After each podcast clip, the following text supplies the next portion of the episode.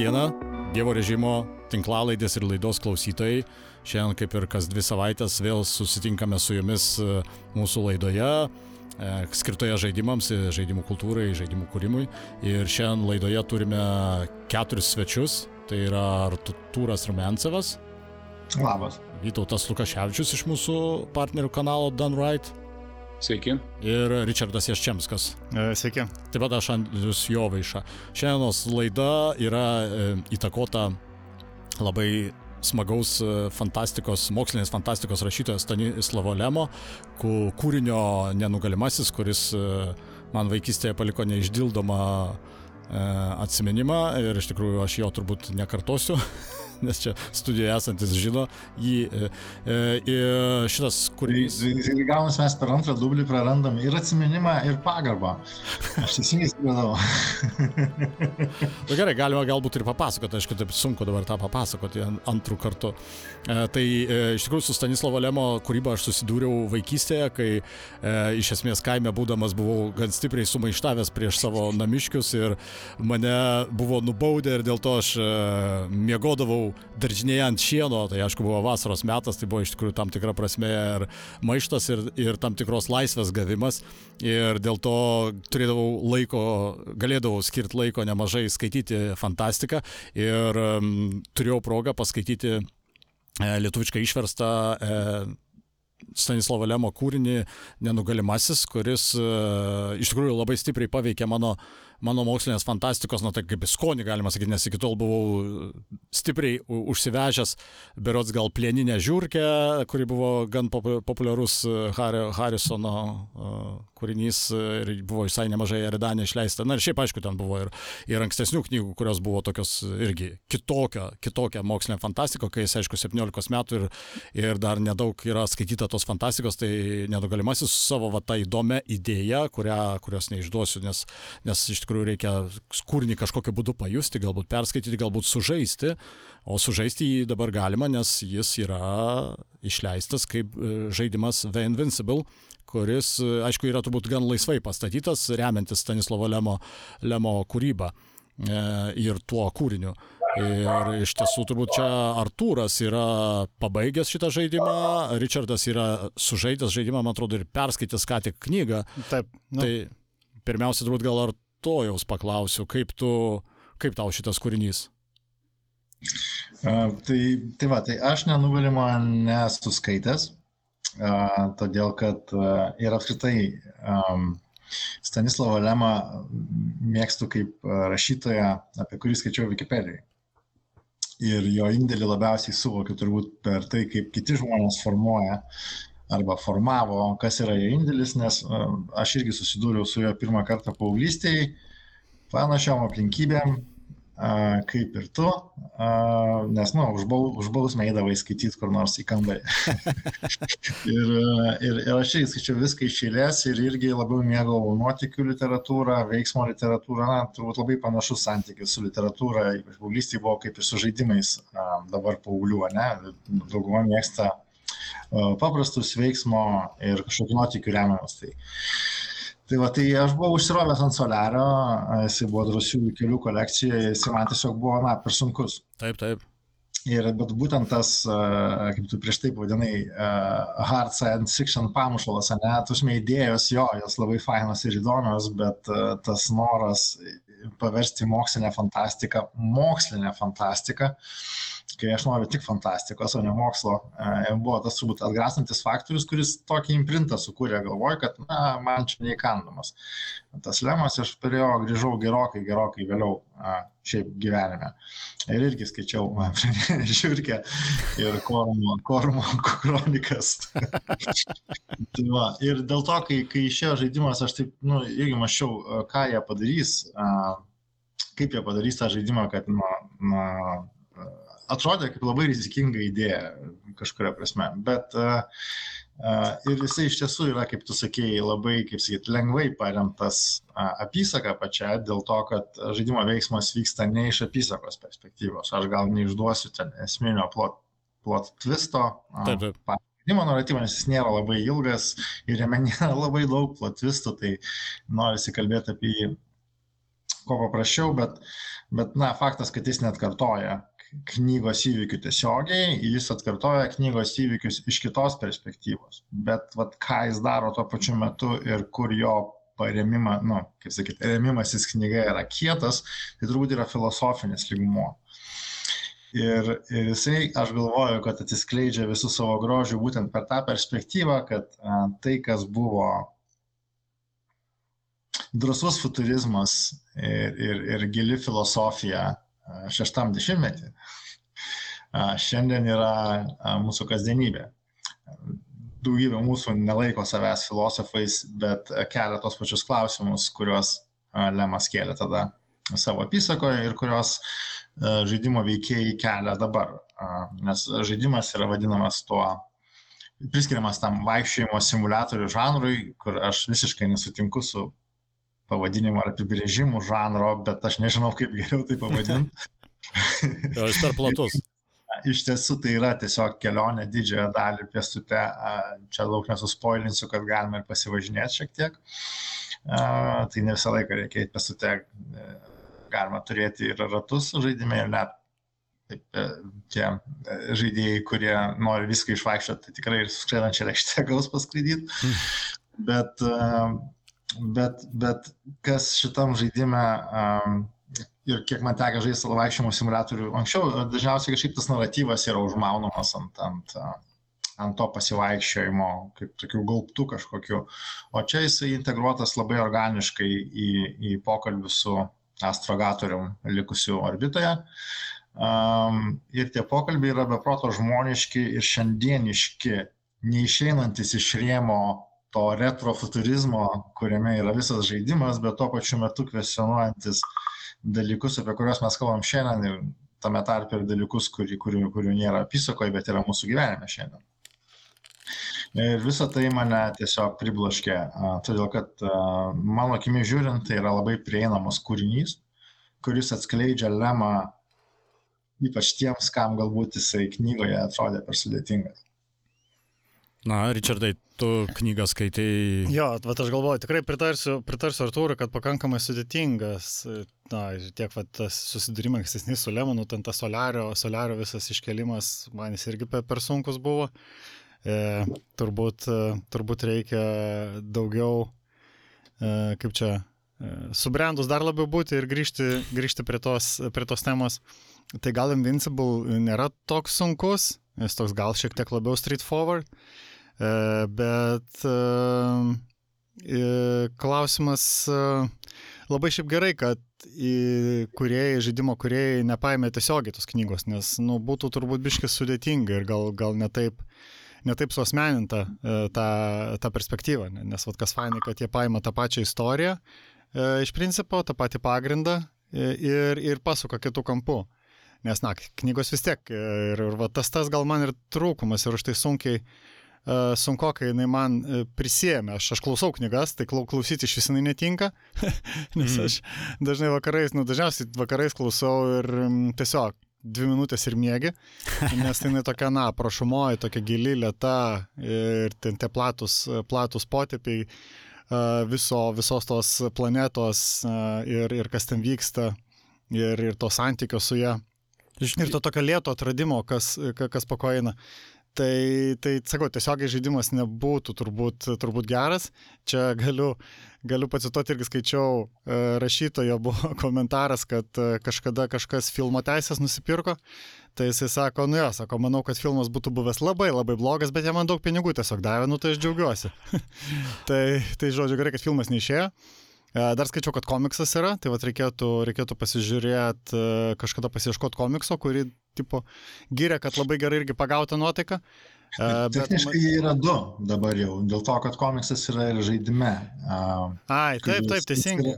Kuris atsirakina tau žaidžiant, jisai atsirakina ir pildosi dėl to, kad tam tikrose vietose yra siužetiniai vingiai žaidime, būtent kurie uh, atsiskleidžia vienaip arba kitaip, tai komiksas nėra atrakintas iš karto visas, jis atsirakina žaidžiant, kai tu padarai tam tikrus pasirinkimus. Mhm. Mhm. Jo, bet na, irgi, kai, vat, kam, kam labai pritarsiu, e, kad e, vizualiai žaidimas taip, taip sudėliotas ir ta planeta taip sudėliota, nu kaip tikrai aš, aš tai tikrai taip įsivaizdavau, mm. klausydamas, skaitydamas ir manau, kad daug kas, kas, e, kas, kas skaitytų ar nu, klausytų šitą knygą, galėtų panašiai įsivaizduoti. Nes, na, daug dėmesio tam skirta pačio knygo ir viena, viena iš inspiracijų pačių autorių. Mes nepaminėjom Star Wars, palauk, Star Wars Industries, man atrodo, studija vadinasi. Mhm. Tai jie, na, jų kaip viena iš pagrindinių inspiracijų, kodėl jie būtent šitą knygą pasiemė, nu tai aišku, Lenkija, viskas, viskas tvarkoj, bet būtent dėl vizualikos, dėl galimos vizualikos e, e, tokio, na, tokio statiško pasaulio, bet labai, labai su, kaip čia, su daug, e, su daug erdvės susikurti, susikurti tokią įspūdingą aplinką ganėtinai, mm. taip turbūt galima sakyti, tokią atšiaurę. O iš tikrųjų. Bet aš čia, jeigu galima dar įsiterpsiu, bet vėl apsuksiu viską į tą tavo teiginį, Andriu, kad jie paėmė apysaką ir, ir labai taip lengvai ją remdamiesi sukūrė žaidimą. Bet va, tai, ką, ką tik kalbėjo Richardas, yra iš tikrųjų tai, ką aš prieš kelias valandas įrašiau į savo apžvalgą. Būtent tas teiginys apie žaidimo lietumą, jisai kalbėjo ir apie knygą, tuo pačiu metu, ne, apibrėždamas knygą kaip kažką, ką aš klausau ir užmiegu, ir kad tai yra labai, na, lietai vystomas kūrinys su labai plačiais potėpiais.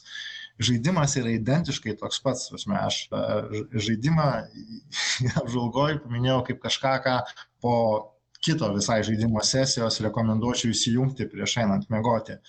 Na, tu pažaidai Diablo. Neiti.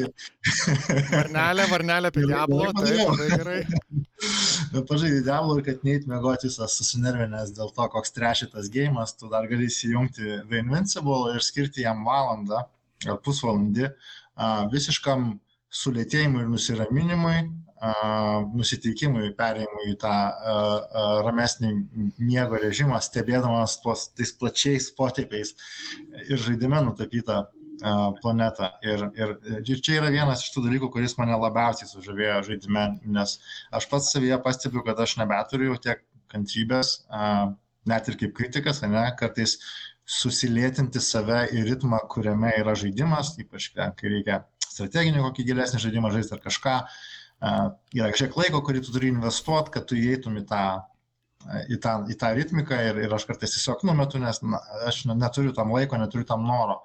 O vad Invincible jisai sugeba tave pagauti ir sulėtinti. E, ir, ir ilgainiui jis tampa žaidimu, kurį tu įsijungi, nes tu nori sulėtėti. Hmm. Tai tas man irgi e, paliko neišdildomą įspūdį, kas liečia patį žaidimo išpildymą. Kas, kas dar fainai, kas gal netikėta buvo trumpai, Taip. kad kadangi pagal knygą žaidimas, nu aš galvoju, kad bus labai užkrauta teksto daug. Bet, bet ne, ten viskas sprendžiama per, per būtent per pokalbius. Mm -hmm. Kadangi kaip pagrindinis, pagrindinis uh, komunikacijos kanalas yra, tad, kad tu bendrauji su tuo kosmose likusiu tavo kolega. Taip. Ir, ir per tai labai daug atsiskleidžia ir, ir tas nu, dialogų yra ganėtinai patogus ir paprastas valdymas, tai, tai nėra toks labai, jisai sakau, uh, kaip čia overwhelmingly užkrautas tekstu, kaip kartais būna pagal, pagal e, romanus žaidimai. Ja, nėra tų. Netgi tau leidžia rinktis kiek, dėl to, kad e, kai astrogatorius tau skambina ir su tavim kalba, kai kuriais atvejais, kai tai yra kritiniai pasirinkimai, yra dar ir laikas, na, tu turi greitai reaguoti, arba pasirinkimo nebus, arba jis bus kažkoks numatytas. Bet yra nemažai tokių vietų, kur tu turi kaip atsakymą maždaug man nenuotaika dabar su tavim kalbėtis ir tu tiesiog gali išmesti gabalus dialogo iš žaidimo. Ir prie tų dažniausiai yra pažymėta kaip opcija, kad, na, tu eini planetos paviršių, tau reikės dabar eiti, tarkim, 10 ar 8 minutės. Um, ir tu turi galimybę kalbėti su astrogatorium, arba tu turi galimybę paprašyti užsičiaupti ir tiesiog. Jo, jo, aš tai geras. Mano tyloje klausydamas muzikos kuri irgi labai gera. Taip, ja, čia aš truputėlį į, įvesiu turbūt gal ir Vytautą į mūsų visą pokalbį, nes kaip ir šią laidą mes e, pradedame nuo Invincible, kaip e, va, tokio žanro, kuris gan populiarus pastaruoju metu turbūt yra, turbūt e, gal didžiausias tokio žanro žaidimas, ryškiausias mano atmintyje, vienas iš pirmųjų turbūt pražaistų yra Firewatch, nors turbūt galima būtų The Vanishing of Ethan Carter irgi minėti, ar ten tą patį ar tą patį Gone Home, ar, ar, ar, ar What Happened, uh, ne, What Remains of, of Edith Finch. Finch. Finch yeah. Na, vienu žodžiu, Anapurna Interactive. Tai o e, kaip tik nesenai, e, rudenį irgi pasirodė kitas žaidimas, kuris irgi panašus šiek tiek yra to savo būtent tokia šalto vienišo kosmoso vaikštynė, tai yra Fort Solis, ir, kuris irgi beje, man atrodo, yra Lenkų studijos, ar ne Vytautai sukurtas? E, dabar nebepasakysiu. Man atrodo, kad jau, Lenkų, Lenkų, mėnesį jau per daug.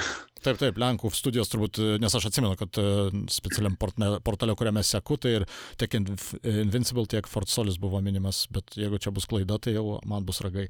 Tai e, gal tu gali šiek tiek pristatyti ir patį Fort Solis, nes jis kažkuo šiek tiek skamba panašiai, ar ne?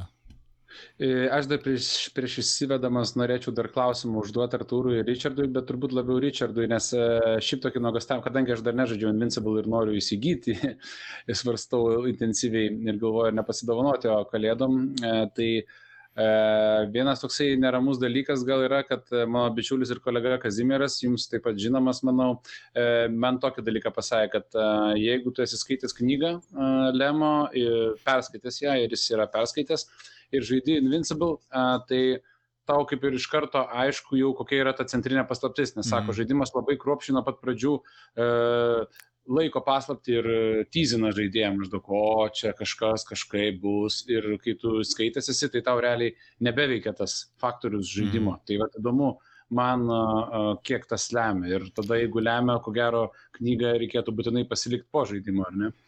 A, turbūt jo. Jeigu yra pasirinkimas, tai taip. Man netrukdė, ta prasme, taip, tas, nu, e, sakykime, ta ten esminė šis jo, tu tą prarandi netikėtumo jausmą, bet, bet kartu tu žinai, gali, gali tarsi biški tada vėlgi kitų kampų žiūrėti, kaip jie, kaip jie nagrinėja tą temą. Labiau vat, gali tada pasifokusuoti tą filosofinį irgi kampą, egzistencinį tokį. Uh, jo, čia, čia netikėtumas turbūt net neteisingas žodis yra.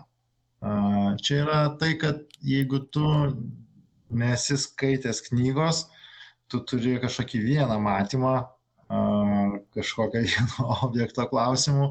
Jeigu esi skaitęs knygą, tu, tu neturi jokių matymų, tu žinai, kaip yra. Mm.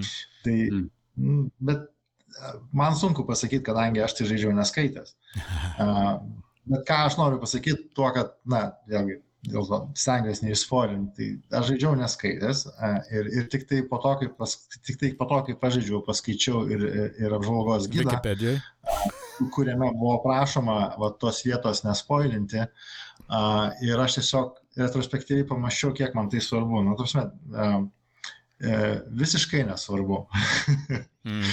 aš, aš, jeigu nuoširdžiai, tai, tarpsime, kai, kai tu esi skaitęs, man atrodo, tu tiesiog žinai daugiau uh, bet vis tiek ta drama atskleidimo jinai yra turbūt panašiai tokia pati. Aš iš kitos pusės dar pasukčiau klausimas, ar pažaidus žaidimą e, bus įdomu skaityti, nes kaip ir kartojasi tas pats, Na. tik tai iš kito kampo, tai vad vėl. Nu čia toks nebent, nu žinai, tikrai nori gilintis ir, ir pažinti iš visų kampų tą, tą visatą. E, ir tą idėją, tai gal. Ir nebent tave kankina nemiga, tai tada tu turėsi dvigubai ilgiau laiko uh, užmigdančių priemonių. Toks, e, bet tas irgi, yra, tas irgi yra privalumas, nes nei knyga, nei nu, ir pats žaidimas. Aš, man tik tai keista, kad nesuveikia laikrodis žaidimo. Tai man ten kažkokias nesąmonės rodė, kiek aš žaidžiu, bet vat, aš, nu, nepasirodė jisai ilgas, aš būčiau norėjęs jo šiek tiek ilgesnio. Mhm.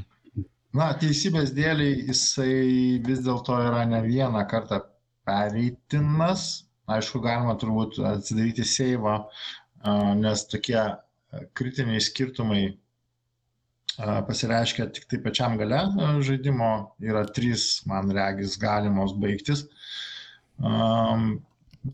Bet ir eigoje, na, aš taip įsivaizduočiau, kad būtent tie dialogai, kurie yra su astragatorium gali keistis radikaliai, ne, ne pati istorija, bet būtent tie pokalbiai priklausomai nuo to, net ne nuo to, ką tu pasirinkai, bet nuo to, kiek tu sėkmingas ar nesėkmingas buvai žaidimo pradžioje.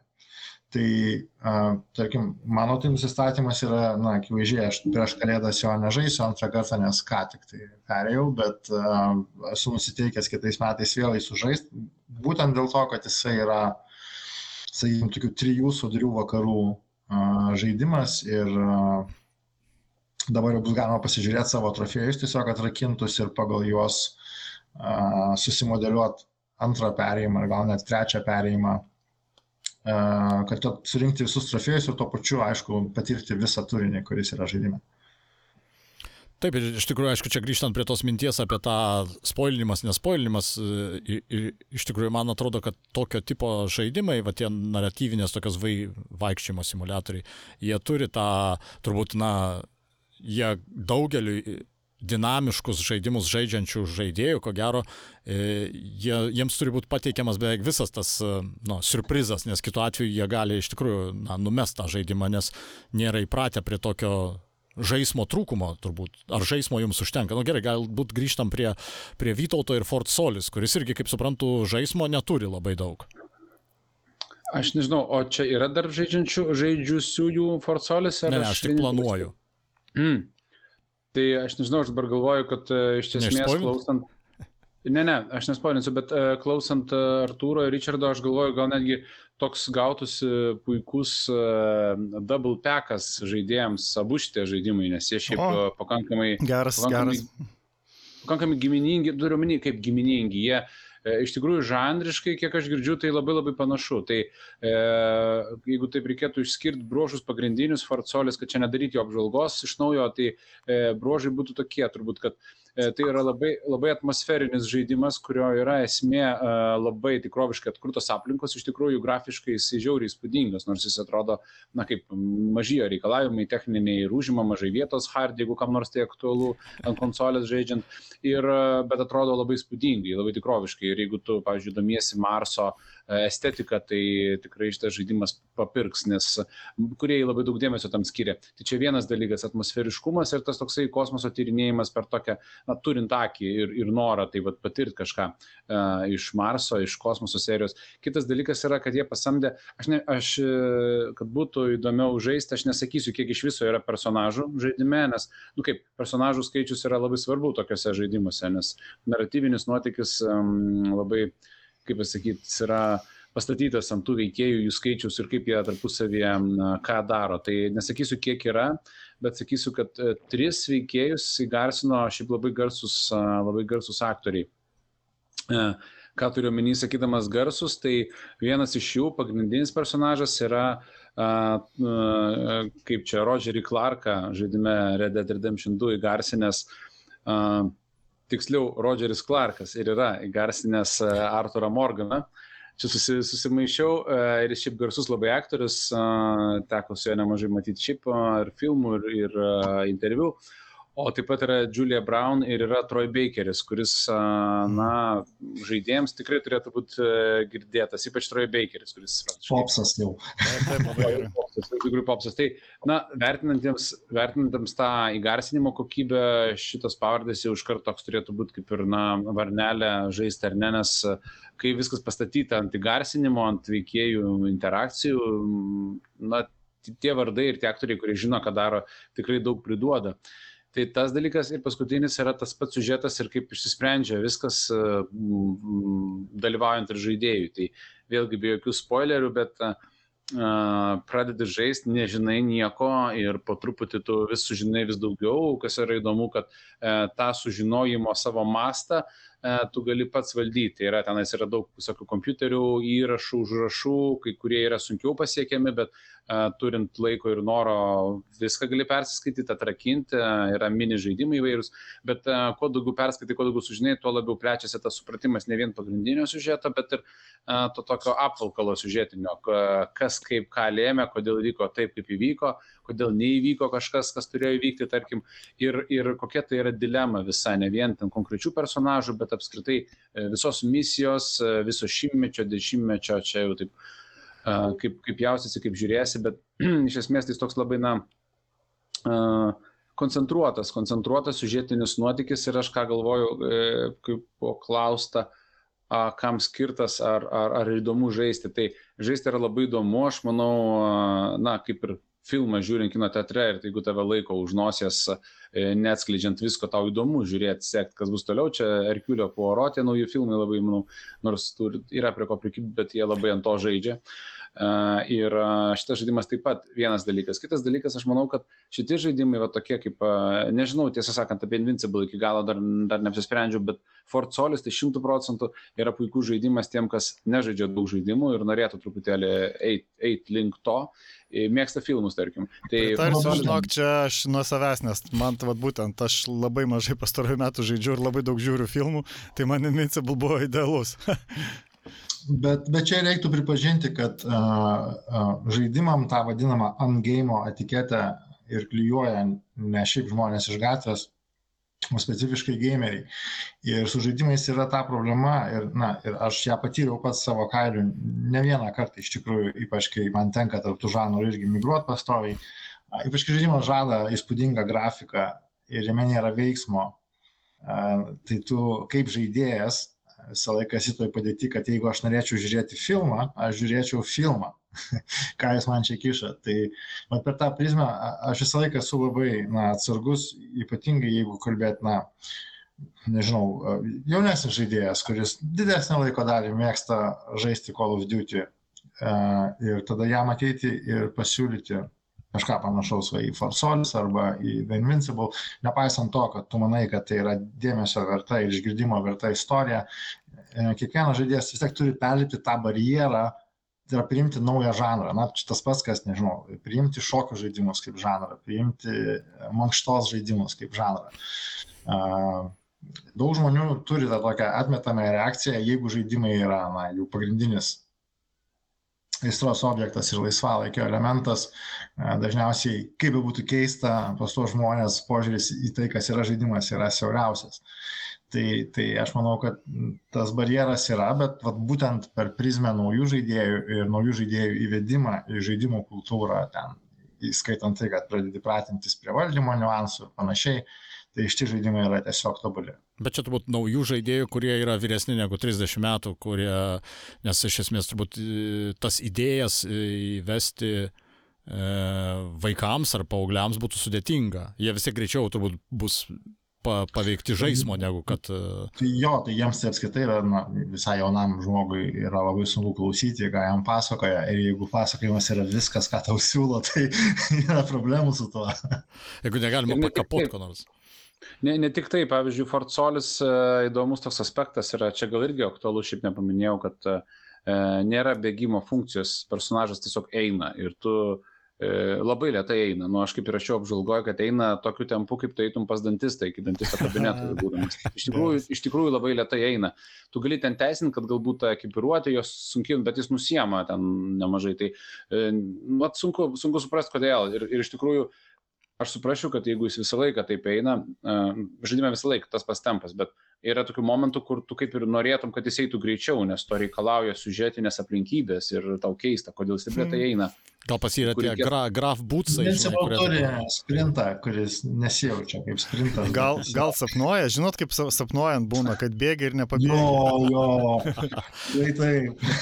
ja, iš tikrųjų, tuose, jeigu net ir imti vat, šitos žaidimus ir dar ir mano žaista galbūt tą, tą patį observation ar ar, ar, ar nu, net ir ta, tos pačius uh, Alien Isolation ar ten Dead Space, prasme, visur jungia juos tas Lovecraftiškas vienumos jausmas, prasme, kurį, kurį turbūt aš uh, vėlai ganėtinai skaičiau, pradėjau skaityti Lovecraftą, bet jo, iš tikrųjų paskui pradėjau suvokti, kad jis buvo vienas iš tų pirmųjų autorių, gal uh, Edgaras Alanas Po, gal čiūčiut pradėjo anksčiau, vos vos, man atrodo, bet tą tokį, tą tokį žinai, film noir stilių, kur, prasme, aš esu, aš versus the world, ta prasme, aš prieš visą pasaulį arba prieš visą kažkokį tai, nežinau, atšiaurų, pavojingą, nedraugišką man pasaulį, kažkokią planetą ar dar kažką ir tas, tas tave labai atskiria ir sukuria tokį bent man tai tuose siaubo filmuose, trileriuose ar ten kažkokiuose, tarkim, siaubo žaidimuose jaučiama efektą, kai tu, kai, kai tave tiesiog, na, visą laiką veikia toks lengvas širpuliukas. Ir nepaisant to, kad aš Invincible žaidžiau demo versiją, čia kai buvo jinai paleista, man atrodo, Steam, nepaisant to, kad ten nusaulėta ir nėra kaip ir nieko baisaus, bet tu visą laiką turi tą tokį siaubo pamušalą šio kitokį, nėra nerimo tokio netikrumo. Pilnam, pilnam nuotykėje, tarp kitko, uh aš galvoju, jie turbūt sąmoningai skiria tam nemažai dėmesio, bet jie iš tikrųjų uh, nemažai nagrinėja irgi šitą vienatvės kampą, bet būtent per dialogą, vėlgi, tarp tavęs ir astrogeitoriaus tam to, tu nemažai su juo pasikalbė apie vienatvę, kurią tu jauti, kol tu jo negirdi, nes kartais tu išeini už ryšio zonos ribų. E, e, neminėsim brendo. bet, e, bet, bet tai yra, man šitas žaidimas, būtent šita plotme to vienatvės jausmo paliko labai keistą jausmą vis dėlto buvimo kartu. Ir galbūt tai lėmė tai, kaip jie nutarė perteikti pagrindinės veikėjos jasmą mintis, jos pasirodo tekstu kažkur aplinkoje. Jis matydama kažkokį objektą, va, tai, ką jinai galvoja, yra užrašas toj vietoj. O gal čia pasukčiau į kairę. A, dabar aš mirsiu. Ar dabar aš mirsiu. Ir Noriu tarsi, valgyti. Jo, tarsi tu, tarsi tu, tu, tu, tu ją valdai ir tarsi tu žaidži nuo pirmo asmens ir matai viską per tą skafandrą, bet tuo pačiu tarsi tu jauti ją labiau kaip ir šalia, nežinau. Ja, labai keistas šitas jausmas yra, bet, bet aš, vat, sakau, vat, to vienatvės jausmo nu, per visą nuotykį, jeigu jau imti ir vertinti, uh, ten nebuvo tiek daug, ten buvo suvokimas jos vienatvės jausmo. Žinai, va, toksai. -hmm disconnected. Ir kažkuria prasme gal net gilesnis dėl tos priežasties, nes personažas šiaip nepaisant to, kad, na, ten yra labai mažai tos galinės foninės istorijos ir panašiai, bet per tuos dialogus ir per savo klausimus, jų formuluotės, kalbos manierą, požiūrį ir ryštą, su kuriuo jinai imasi vis kiekvieno naujo išbandymo, tu gan greitai nusitapai jos, jos portretą ir kažkaip tampi labiau tokiu, žinai, tuo čiveliu irgi ant ryšio, bet arčiau esančius. ne, čia šiaip įdomus visai šitas e, vidinio, vidinio monologo tam tikrą prasme e, pabandymas pateikti, nes mes dažniausiai jį turime kaip, nu, balsą už kadro, o čia vatsotiškai tas uh, niuansiškesnis šiek tiek. Iš esmės šitas, šitas žanras, na, kiek aš kiek aš, aš vat, atsimenu, vat, aš dar turbūt minėčiau gal Somą, E, toks irgi gan senas, nežinau, 2014 ar 2016 metų gal me, žaidimas, e, kuris irgi buvo tam tikrą prasme jame daugiau žaismo buvo, daugiau galbūt ir horror žanro, bet jis e, jo visas peržaidimas ir kelios vietos iš tikrųjų tokius nu, neišdildomus e, įlinkius mano, nu, kaip čia, pasaulio suvokime, ar, ta prasme, tam tikrų idėjų kažkokių suvokime padarė. Taip pat tas pats Vanishing of Ethan Carter, ta prasme, irgi buvo stiprus, jis buvo galbūt kaip labiau į Firewatch pusę, jis buvo ne, ne kažkokiu tai filosofinių idėjų suvokime, bet tam tikrų emocinių dalykų suvokime, tavasme, emocijų pačių stipriame išgyvenime. E, tas pats Observation, kuriame čia irgi labai rekomenduočiau pažaisti, jo labai įdomus yra konceptas, nežinau, kas nors žaidžiate Observation, žaidėte Observation? Aš tai, žaidžiu. A, tai žinai, reiškia, apie ką tai pataisyk, nes aš jau taip jau biškai primiršęs. Iš ten iš esmės visa, visas, visa idėja yra ta, kad e, tu visą vaizdą matai e, kaip dirbtinis intelektas, kuris stebi vaizdą kosminėje stotyje ir tu kaip dirbtinis intelektas tarsi padedi e, astronautai susitvarkyti su ten įvykusiais visokiais e, problemomis.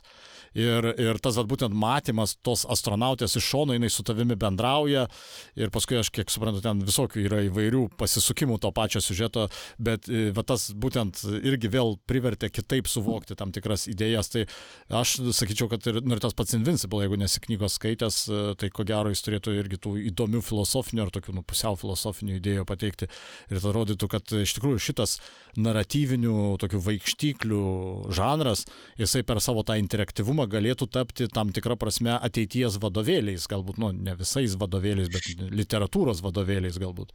Nes... Antras pavadinimas apžvalgos. Ar rimtai, o kaip skamba? E. nu, tai darbinis yra, bet taip, ar kada nors mokytojai rekomenduos pažaisti žaidimą. A, nu jo, jo, nes ne, iš tikrųjų, tamsia, nes realiai tai yra Tai yra tarsi būdas, na, vėlgi, lėtas, žinoma, arčiau skaitimo negu, negu gal žaidimo, bet turbūt toliau nuo nuobodžios knygos puslapių, kurie mygdo ir neleidžia, nu, jo čia. Ne, ta prasme, nu, nėra tiek daug tų žaidimų kol kas, sakykime, taip paremtų knyga, na, šitam žanrė. Tiesiogiai, kas galėtum, na, tai pilnai vertinti, bet, na, aš galėčiau įsivaizduoti, na, okei, okay, jau dabar nebe, nebeskaito parduotų vasarų, bet aš galėčiau įsivaizduoti parduotų vasarų žaidimą. Labai nesunkiai ir jis galėtų būti ganėtinai tamsus ir dramatiškas šiaip, na, tiesiog jeigu perleisti dar per šių vaikų prizmę ir jisai galėtų kelt filosofinius klausimus. Mm -hmm apie priekybą žmonėmis artimoje aplinkoje. Tai, žinai, taip, taip, ar, ar, ar, ar tam tikra forma vergovė ne, neegzistavo ir, ir, ja, ja, ja. ir mūsų tai, kraštuose. Tai, tai man, man būtent Invincible šitus klausimus, na, iškėlė būtent va šitoj šviesoj, kad, na, tai susilieja, ne, nes Invincible išleido 11-bit, jau jie žengė pirmus žingsnius ant patekti į rekomenduojamas literatūros sąrašą ir įsivaizduoja, kad Invincible toj pačioj Lenkijoje Mhm. Uh, gali būti pastatytas ant fast tracko, sekti paskui uh, This War of Mine. Uh, tai, nu, nes ten ta tema tiesiog jau yra paliesta ir vystoma. Uh, ir galbūt dėl to, galvoju, tos jungtys įvyksta iš naujo, kad uh, po šimts uh, artėja tas laikas, uh, kai, na, galbūt ne kaip pagrindinė priemonė, na, tu gausi knygą skaityti, bet gal tu gausi rekomendacijas, tą knygą, ką tu galėtum pažaisti. Ir čia, nu, gal tada apsisuko tas lūpas, uh, kodėl mokantis, nežinau, Romos istoriją nežaisti Rome Total War, mokantis apie bronzos amžių nežaisti Pharaoh Total War, nes šiaip iš principo irgi labai leidžia pažvelgti kitų kampų į tos pačius uh, klausimus, galbūt gerokai labiau tave įgalinančių kampų, ne? Mhm. kas priverčia visai kitaip tą informaciją priimti ir įsisavinti.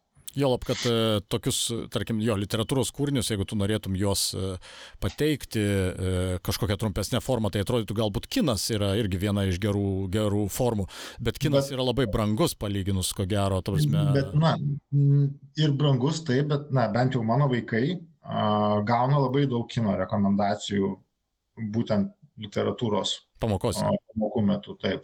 Jeigu yra filmas nufilmuotas pagal tam tikrą kūrinį, kurį jie skaito, uh, jie atsineša sąrašą ir jie žiūri tame tarpe ir ten to LRT epikoje tą seną lietuvišką kiną pastatytą remiantis Lietuvos rašytojų kažkokių darbais. Tai nu, jie gauna rekomendacijas, gauna nuorodas tą daryti, su žaidimais dar ne. Tai va, dėl to irgi atrodo, kad pasakantis logiškas žingsnis galėtų būti tai. Aš dar galvojau apie tai, vat, ką prieš tai kalbėjom, kad, e, tarkim, žaidimo, e, na, kam rekomenduoti žaidimą. Ir aš ten sakau, kad vat, e, žmonėm, kurie gal nežaidžia ir Artūras sako, kad jeigu žmogus nori pažiūrėti filmą, tarkim, tai jisai žiūrės tą filmą. Bet aš dabar pagalvojau, kad dabartiniai visuomeniai žaidimas nebėra jau toks labai ilgas dalykas, na, ypač tokie kaip, kaip Fortsolis. Fortsolis trunka iki 5 valandų, net jeigu tu taip labai atsipalaidavęs žaidži. O dabargi mes, kaip žinia, labai daug žiūrim serialų. Ir vieną serialą pažiūrėti, kurio net ir aštuonios serijos po 5 minučių, tai netgi viršyje žaidimo trukmę. Mhm. Tai tu rekomenduodamas žaidimą, tu e, nieko čia blogo nepadarysi, ta prasme, žmogus. Ne, bet aš vis dėlto tą, jo, bet aš per tą kampą sakiau, kad jeigu aš esu žaidėjas ir e, šį vakarą vietoj to, kad, žai, vietoj to, kad žiūrėti serialą arba filmą nusprendžiau žaisti, tai aš noriu žaisti. E, čia buvo iš žaidėjo perspektyvos, ne iš iš paprasto žmogaus perspektyvos, tai kaip ir atviršiai gaunasi, kaip tik geriau tokius rekomenduot, nes jie lengviau kandami yra. Bet serialų kampas tai labai geras. Ir trukmės prasme irgi jo yra jau vėl optimalūs. Nes taip, seniau viena iš priežasčių, kodėl tu nesiūlai kažkam žaisti, nes vidutiniškai 20-30 valandų žaidimas. Mhm. Ričardai, tu kažką sakai? Ne, tai tiesiog jo, Vytauto geras labai palyginimas su serialais, nes būtent, nu, aš kažkaip pastaruoju metu irgi. Serialų formatas labai priimtinas dėl to, kad, nu, jis toks optimalus istorijai pagauti ir įsigilinti personažus. Tai, vat, reikia tos trukmės. Filmai, filmai, nu, labai ribotai. Jo, jie daro daug ribotai gali tą padaryti. Mhm tarkim, nu, ir, ir tam tikriem kūriniam nu, net netinka. Šiaip aš net ginčiaus, kad daugumai kūrinių filmai netinka, o labiau aš net kelčiau viską į serialus arba į žaidimus, nes jie tiesiog erdvės e, tau suteikia. Jo, ir čia, tamsia, turiminį, jeigu čia vėl grįžtant šiek tiek prie to, tarkim, to edukacinio kampo, ar tas edukacinis kampas tam tikrą prasme, ne tik mokykloje turbūt turėtų būti, realiai e, filmas, jis yra pasyvus e, veiksmas, prasme, vis tiek tu daugiau mažiau pasyviai stebi tai, kas vyksta ir gali tavo, e, na, tiesiog tiesiog tu gali, pražiopsai daug galbūt niuansų ar dar kažkokiu tai esminių detalių, jeigu tu kūrinį, tarkime. Reflektuot, apie... reflektuot mažiau išeitų jo, apie filmą. O atrodo... interaktyvus veiksmas jis tam tikrą prasme labiau įkabina tavo, nu, tu, jeigu tu padarai kažkokį sprendimą ir tas sprendimas e, pakankamai didelį efektą padaro tavo, tavo nu, sąmonėje, kai tu jį padarėjai, tai realiai tai lieka ilgam, ta prasme, šitas veiksmas. Ir žaidimas kaip terpė, man atrodo, dėl to yra į, į, na, efektyvesnis būdas papasakoti kažkokią istoriją ar pertikti kažkokią idėją. Etikos pamokom galima būtų naudoti daug visokių Last of Us. ne, tai etikos pamokoms, va čia kaip ir tojas ir kalbėjo, tu visai iš tikrųjų Lenkijos ten toj e, e, švietimo ministerija kažkokį turi priėmusi rekomenduotinų tų priemonių be vadovėlių dar sąrašą ir iš tikrųjų vis War of Mine yra įdėtas, jis nėra, man atrodo, privalomas, bet jis yra įdėtas jau į tokias rekomenduojamas. Kur, rekomenduojamas. Ir, ir būtent... Jis literatūros sąraše yra. Jo, jo, Na, bet... E, rekomenduojamų skaitinių. Ir aš esu girdėjęs intervą, kai etikos pamokose mokytojas labiausiai jį naudoja, iš tikrųjų, žaidžiant ir, ir atliekant tos sprendimus. Sprendimai, ta prasme, žaidimas interaktyvumu savo priimant sprendimus, jisai iš karto etik, su etika susikabino labai tiksliai. Na, aišku, tada. Aš kaip mėgau sakyti, pradėjau tai sakyti nuolatos apie virtualią realybę, kalbėdamas, na, kai mes pradėjom kalbėti tik apie virtualią realybę, dar, dar čia užšoj jos, bet, bet iš principo tai tinka ir, pavyzdžiui, diskusijai tarp filmų žaidimų. Per atsiminimo prizmę aš atsimenu, kad aš mačiau, ar aš atsimenu, kad aš buvau. Tai yra du visiškai skirtingi atsiminimai. Ir, ir, ir žaidimai vis dėlto yra toj kategorijai. Mm. Jaras yra visiškai toj kategorijai, bet žaidimai yra irgi toj kategorijai. Na, gerai, aš nebūtinai buvau patyriau, mm. bet vis, vis tiek, na, nebuvau stebėtojas, žiūrovas, kuris kažką matė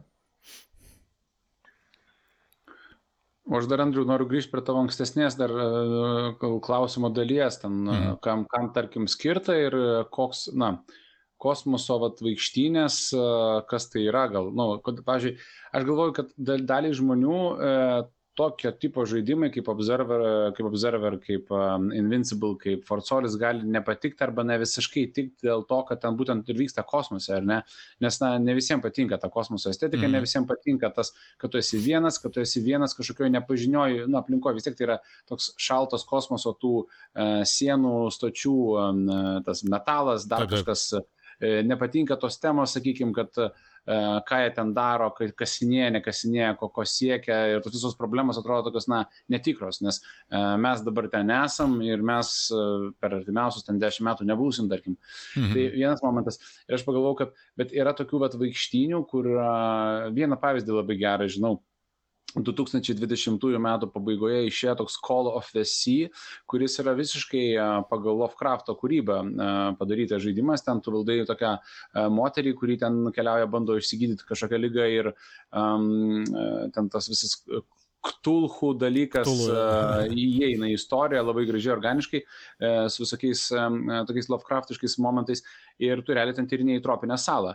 Nu, tenais tropinė sala su kažkokiais čia buvių ir, ir ekspedicijos buvusios liekanomis, užuominomis, bet tai tuo pačiu yra ne, ne vien vaikštynės, kaip mes at, matom, Fort Solis, tarkim, bet tai yra ir kvestas, toks gana rimtas, nes tie galvoskiai tokie jau sudėtingoki, jau reikalauja nemažai jo aplinkos tyrinėjimo, suvokimo ir sprendimo iš žaidėjo. Tai realiai gali labai lengvai pastrikti. Mhm. Tai toks tradicinis kvestas, kaip koks, nežinau, myst, gal kiek kitoks šiek tiek, bet į tą pusę sumaišytas su va, Forzolis, su... Su to naratyviniu tokiu. Jo, nes visiškai, na, Firewatch galų gale iš tikrųjų labai primena, bet, bet Firewatch irgi ten nebuvo galvoskių, ten bent jau, bent jau ten negali pavadinti galvoskiais palyginus su vat, Call of Vesi. Call of Vesi realiai kas pusvalandį po gerą tikrai galvosiu kitokį didesnį, kur jau tau mhm. reikia jau galvot, galvot, galvot. Tai aš manau, kad yra žaidėjų, kur jeigu netinka kosmosas, vien dėl to, kad tai kosmosas, tarkim, tai gali ir turi nemažą pasirinkimą, nors, pažiūrėjau, netinka kosmosas, bet patinka Lovecraftas arba patinka kažkokia mistika, tai jie gali rasti puikių pasirinkimų, tas pats mm. Call of Sea, tas pats Firewatch negi. Ta, ta prasme, man atrodo, pakankamai saugu yra uh, ieškoti visko, kas pažymėta kokio nors trolio, kur nors e, ženklų ungame, tą vertinimą turėjo kažkokioje bendruomenėje, koks nors journey, pavyzdžiui, ne?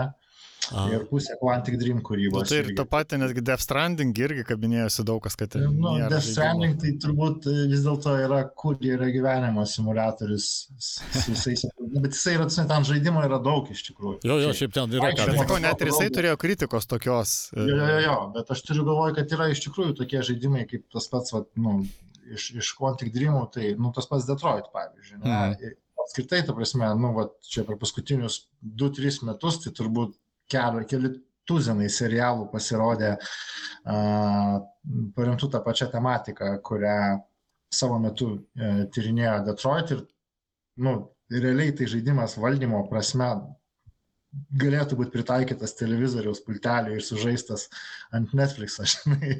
Taip, taip, tai čia šiaip savo čia tai ateitis. Bandersnatchasgi buvo toks, mesgi su Bandersnatchas buvo tik pasirinkimai. Tu ten, ja, ten, nu, ta prasme, ateitis gali būti tikrai tokia. Aš labai labai tikėčiaus tokios ateities. Tai savo metu tai buvo, buvo na, uh, Ukrainai buvo piratai tokie, kurie uh, piratavo klasikinio quest žanro žaidimus ir jos pritaikydavo uh, universaliam distanciniam pultam ir leisdavo DVD diskus, kur pridėjai. Aha, esu susidūręs. Geras.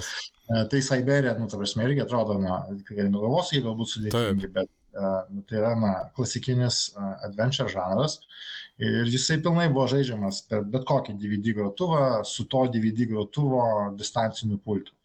Tam nereikėjo jokių papildomų įrenginių. Tai, prasme, technologiškai uh, Viskas egzistuoja jau daug metų yra nemažai žaidimų, kurie yra, galėtų būti tam pavaldus, bet aš, aš galbūt vis tik tai laukčiau, aišku, kad, na, dar per kažkiek tai laiko, galbūt su to pačiu Netflixo ar kažkokios kitos tarnybos pagalba išpopuliarės tiesiog turėti Bluetoothinį žaidybinį pultą, na, bazinį tokį, ne, ne Xbox, ne PlayStation, kažkokį ten navarotną labai, bet bazinį žaidimo pultą su pora analogų ir tada jo tokios cloud-based žaidimų nuomos, kurios galėtų turėti plačias kolekcijas būtent va, tų žanrų, kurie yra artimi uh, kurie nėra super dinamiški, mhm. kurie neturi super daug mechaniko, ne, tau reikia tik tai vaikščioti ir galbūt daryti pasirinkimus, o galbūt ant galvosūkėje teisingą svirtelę teisingu laiku patraukti. Tai, nu, Čia kas skamba tai, kaip biški, kaip uh, visa, visas asociacijos. Taip, taip, taip, taip, taip. Telltale'as irgi yra visai ten, bet jie vis tiek, ta prasme, čia šitų žaidimus, apie kuriuos mes dabar šnekam, vadinam walking simulatoriais, todėl kad, ta prasme, juose praktiškai nėra. Na, Invincible turėjo kelis galvosūkius. Aš neatsimenu, ar jie visi buvo privalomai išspręsti, gal kai kurie yra išsprendžiami, nes tu nori to, mhm. o kai kurie gal blokuoja e, siužetą. Ir tas galvosūkių um, spektras, jis irgi toksai, jų visų yra po vieną, na, bet ten, pavyzdžiui, orientuojasi tik tai nuo žemėlapių, kurį turi rankose. Tai savaime yra galvosūkis kažkuriam žaidimo etape sprendžiant, kur, kur eiti. Ir ten tų žemėlapių yra keli ir nu, ten tenka pasiknisinėti. Ar kažkur tai kažkokias irgi svirtelę turi žinoti eilės tvarką eiliškumą, kurias pajudinti, bet principė vis dėlto pagrindinė žaidimo mechanika yra eiti. tai, tai, tai jisai tuo skiriasi ir nuo to pačio ten Journey, ne, kuris turi šiek tiek dinamikos ir galbūt tų platform, platform stiliaus galvosūkių, vėlgi neprivalom, tu gali praeiti visą žaidimą nieko to nedarydamas ir nespręsdamas, bet, bet, bet ten yra daugiau gylio. Vat gal šituose žaidimuose, kuriuos vadina walking simulatoriais, to ekstra uh, sluoksnio net ir nėra. Mhm. Fort Solis buvo kažkokio galvosūkio ar nelabai? Ne, čia visiškai daugiau toks, na nu, kaip buvo tokių, bet nu, ne, negaliu pavadinti jų galvoskais, čia tokie daugiau e, truputėlį sudėtingi tru, truputėlį sudėtingesnės interakcijos, kad visiškai ne, ne, neapkiaupėtum. Kad, ne, kad neužsnūstum netyčia prie žaidimo. Jo, kad neužsnūstum. Ja, čia būtų viršūnė, bet... tuose, užmigau prie žaidimo. O gal ar to jau gali čia... čia buvo, buvo man žaidžiant taip. man irgi būna dažnai, net, dažniau negu norėčiau, net, net prie veiksmo žaidimo. Įtariu, tas yra. Aš pastaruoju metu dažnai užmėgau žaidimą. Prie Diablo gal? Aš vakar, aš vakar žaidžiau tokį nuotikių, nuotikių veiksmų žaidimą ir atsibudau ir žiūriu, kad mano veikėjas toks akmuo didelis užtvėręs kelią ir mano veikėjas bėga tiesiog į, į tą akmenį. Į tą atsirėmęs į sieną ir, ir supratau, kad, kad kurį laiką... Pastaruoju metu nežaidžiu Diablo, bet kai žaidžiau Diablo, uh, tikrai džiaugiausi tą migraciją nuo asmeninio kompiuterio. Pablokime Artūrą. Todėl, kad kai užmėgi ir tave žudo, tave pultelis pažadina. Kompų užmėgi ir žmėgi. E, taip, e, o gal galit e, man greičiau pasakyti kokią nors vat, knygą, kuri ateina, ar literatūrinį kūrinį, nebūtinai knygą, apysaką ar dar kažką, kas, ką norėtumėt, kad ekranizuotų va tokio žaidimo, panašaus galbūt su galvosūkiais ar mažiau galvosūkių, bet, bet kad paverstų žaidimu kažkokią mėgstamą. Marsėti. Šitą, šito Andri Veiro, tą, kurį kinuose rodė, ne? Jo, tiktų su žaidybinimu labai. Tapsi tą bulves, bulves auginti ar ką ten, kažkas su. Jo, jo, bulves simulatorius. Galėtų daugiau niekur nebūti. Šiaip aš visai pasiruošęs, norėjau, galvoju, jeigu kalbėsim apie developmentą ir idėją, bet tu čia labai gerai užklausiai, nes labai tinka pagal tematiką ir, ir dar sąsaja su Lietuva yra. Uh, yra toks rašytojas, nu, buvo toks rašytojas Amerikos lietuvis Algis Budrys. Mm. Ir, ir jo yra garsiausias romanas uh, angliškai Rogue Moon. Tai mm. nežinau, kaip čia išversti lietuvių kalbą. Šelmis. Šelmis, šel, šelmis, šelmis minulis. labai, labai durna šitas žodis. Bet, bet aš apie jį va, dažnai, dažnai vis pagalvoju. kai, kai, kokia, kai kokia va, tokia tema iškyla. Nes ta, ta knyga, nu ten jo, veiksmas apie menulį, bet tos knygos pati idėja, jinai yra visiškai kaip roguelite žaidimo. A. Tai yra, nu, daug pakartojimų, daug mirties, nu, ten praktiškai copy-paste galėtum perkelti į, į, į žaidimo mechaniką ir tiesiog paleisti as it is. Aha. Uh, tai jo, čia, kaip čia, mintis į eterį, uh, Gal kas kada nors pasidomės ir, ir būtų galima kokias teisės gauti ir tikrai padaryti, man atrodo, kad visai gerą žaidimą, kuris nu, neturėtų būti labai labai sudėtingas. E, turiu galvo iš techninės pusės, mm. galima scalinti, ten aišku, ten tas žiūrėtinė dalis, nes jis toks per pusę, maždaug pusę, pusę vyksta pasiruošimas tai kelioniai, sakykime, taip galima pavadinti, o jau kitas veiksmas jau pačiame nulyje. Mm. Tai, tai galėtų būti netgi žanro miksas gal kažkoks tai. Ja, čia, aš negaliu dabar susilaikyti nuo medinio vairio apie tai, kad e, Baldur's Gate trečiam už ką žaidži? Už šelmį. jo, jo. Ne, šitas gaila. Reikia paieškoti geresnio, geresnio termino šitam, šitam žodžiui. Bet jo, aš taip vis, visiškai netyčia suradau tą knygą kažkada ten užsienį vienam iš knygynų vaikščiodamas ir ieškodamas fantastikos ir jis buvo tiesiog pridėtas, pridėtas prie Golden Age of Science Fiction, mm -hmm. nes jis irgi galim, nu turbūt galima priskirti tai rimtai, ten, ten sunkiai, tai hard science fiction. Uh, ir tai man nustebino, kad gal, iš kur čia lietuviška pavardė prie tipo klasikos. Mm. Tai ir ten jo, ir ten 60-ųjų ar maždaug kažkada tai išleistas E, labai labai tikrai rekomenduoju pasieškoti kažkokiu formatu. E, man labai patiko ir, ir sakau, kada nors kas, nors kas nors galėtų padaryti žaidimą, labai džiaugčiaus. Jo, aš tai turbūt. Galėčiau truputį pivotinti tą, tą temą, vat, ką, ką minėjau dar prieš, prieš kad, nu, kokia, nu, viena iš minčių, kurias man šitas žaidimas sukėlė The Invincible, prieš tai tai buvo uh, Moons of Madness. Taip, teisingai. Čia palėtėm šito dar jau. Lovecrafto stiliumi, ne? Šiek tiek ten iš pagal Lovecraftą biškai. Bet, bet, bet uh, ir kadangi mūsų podcastas, kaip mes uh, patys savo mėgstame meluoti, yra skirtas uh, žaidimų kuriejam ir visi žaidimų kuriejai jo klauso, tai man labiausiai apie tos žaidimus norėjusi čia ir pakalbėti būtent per tą prizmę ir, uh, sakykim, taip, kaip, kaip kitų šalių žaidimų kuriejai, na, sakykim, išnaudoja savo kažkokius tai trūkumus tarkim, negalėjimą turėti didelės komandos ir sukurti AAA žaidimą, bet vis dėlto bando siekti tos svajonės, kaip išpildyti AAA žaidimą. Ir, na, The Invincible nėra pirmas atvejis, kai yra pasirenkama kosminė negyvenamos planetos tematika, na, todėl kad tai gali būti labai statiška.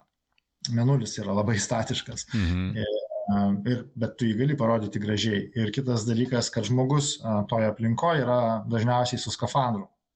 Ir kas... dar turi tą vadinamą on rails, tai tam tikrą prasme tu gali jį pastatyti ant... Na, tai prasme, čia jau dar, dar, vienas, dar vienas layeris ir dar, nu, tarkim, mm. ten The Invincible šiek tiek uh, mažiau to, uh, on, jis irgi yra visiškai ant bėgių, bet, sakykime, tai yra smarkiai platesni bėgiai, uh, jisai suteikia tam tikrų laisvių, uh, nepaisant to, kad jo, jeigu yra ola, tai jinai yra užlipama tik tai per vieną konkretų tašką, nors ten atrodo vizualiai, kad bet kur gali lipti bet tiesiog tai tai važiuoji jo ir tais bėgiais pats važiuoji pagal žaidimo taisyklės, tiesiog jas priimi. Bet ir kadangi dauguma veikėjų yra su skafandrais, uh, vėlgi uh, Invincible yra ir šiek tiek facial animation, tu matai šiek tiek žmonių veidų, bet tam uh, Moons of Madness praktiškai visą laiką visi būdavo su skafandrais. Uh, kas pašalina prievolę atlikti daugybę darbo, supaprastina pačią animaciją, jinai gali būti kitokia. Ir jeigu eiti dar giliau į fantastiką, tai tu gali sugalvoti, arba po vandeniu, tu gali sugalvoti dar daugiau tų niuansų, kurie leidžia įsiskleisti tavo modeliavimo talentui, tavo artistik matymui pasaulio ir sugebėjimui perteikti uh, aukštos kokybės vaizdą ekrane, bet tuo pačiu metu eliminuojant tas brangiasias ir sudėtingasias kūrybinio proceso dalis. Ir, ir finale turėti žaidimą, kuris atrodo kaip AAA, bet yra žanrė, mm. kuris, sakykime, pats iš savęs neįsipaišo į, į, į AAA kategoriją. Tai va, dėl tos priežasties labiausiai noriu rekomenduoti tokio tipo žaidimus, žaidimų, kuriem nebūtinai per tą prizmę, kad jūs imkite ir darykit uh, kosmose žaidimą arba su skafandrais, bet, bet būtent per tą prizmę, kaip žvelgti, žvelgti į problemą, kaip išsi, išsi, atsižymėti, ką tu gali padaryti super gerai ir, ir ką tu gali ir ko tu negali arba nenori daryti ir tada aplinkui tai bandyti formuoti savo ambiciją ir savo viziją, kas tai, kas tai bus finale, koks tai bus rezultatas. Ir jeigu kalbėt apie vat, lietuvišką literatūrą, tai nežinau, to paties dievų miško tematika, kur yra pakankamai asketiška lokacija ir, sakykime, taip, kaip tu pateiksi žai, um, kitų žmonių modelių žaidime irgi yra pakankamai plačios ribos, nes mm. tu tai gali labai meniškai žiūrėti. Ir ten yra nacijų, kurios galima žudyti. Be abejo. Uh, aš dar tik, vėl, trumpai labai, vat, labai įdomu buvo, kiek žmonių dirbo E, čia irgi dar diskutavom anksčiau, kad ar tai yra nu, didelis, ar tai mažas žaidimas, e, ta prasme, iš, iš tos komandos, tai šiaip, nu, visai daug. E, pažiūrėjau, kad 27 žmonės. Aš kažkaip įsivaizduoju, kad bus mažiau ir kažkaip dar labiau optimizuota. Bet va... Dėl ko pareigas žiūrėti. Na nu, jo, jo, ten visi, visi seniors. O ne, šita... ne tik tai, ta prasme, labai daug audio yra, mm. aktoriai yra ir, ir Bet va... Tai išskirtinis savo garso inžinierė. Nu jo, jo, ten, ten įspūdinga, šito nepalėtėm.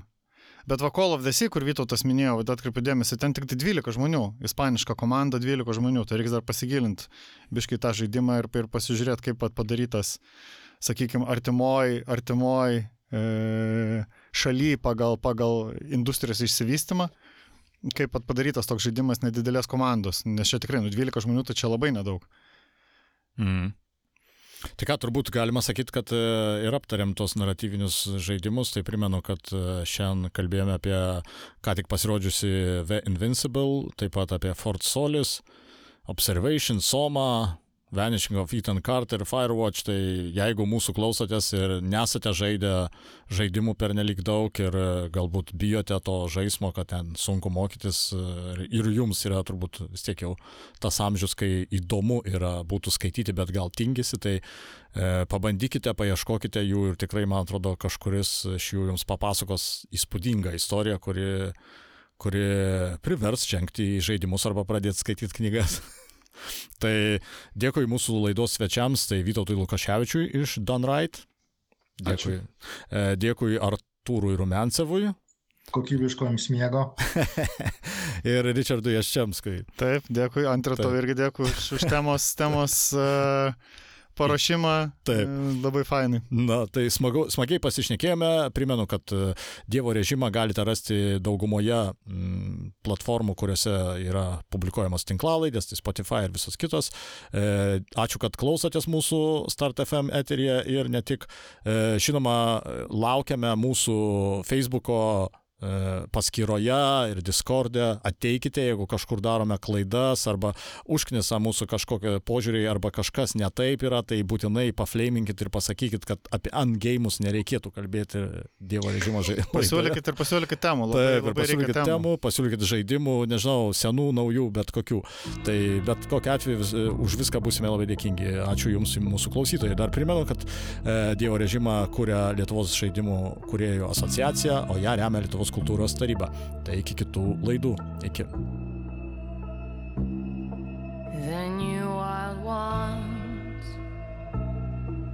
a general change. The rest from the manifest burn out. The anarchy of dreams, the conflict between inner lies, born in the ocean of nuclear water. I will dry your tears, I will wash your fears if you let me.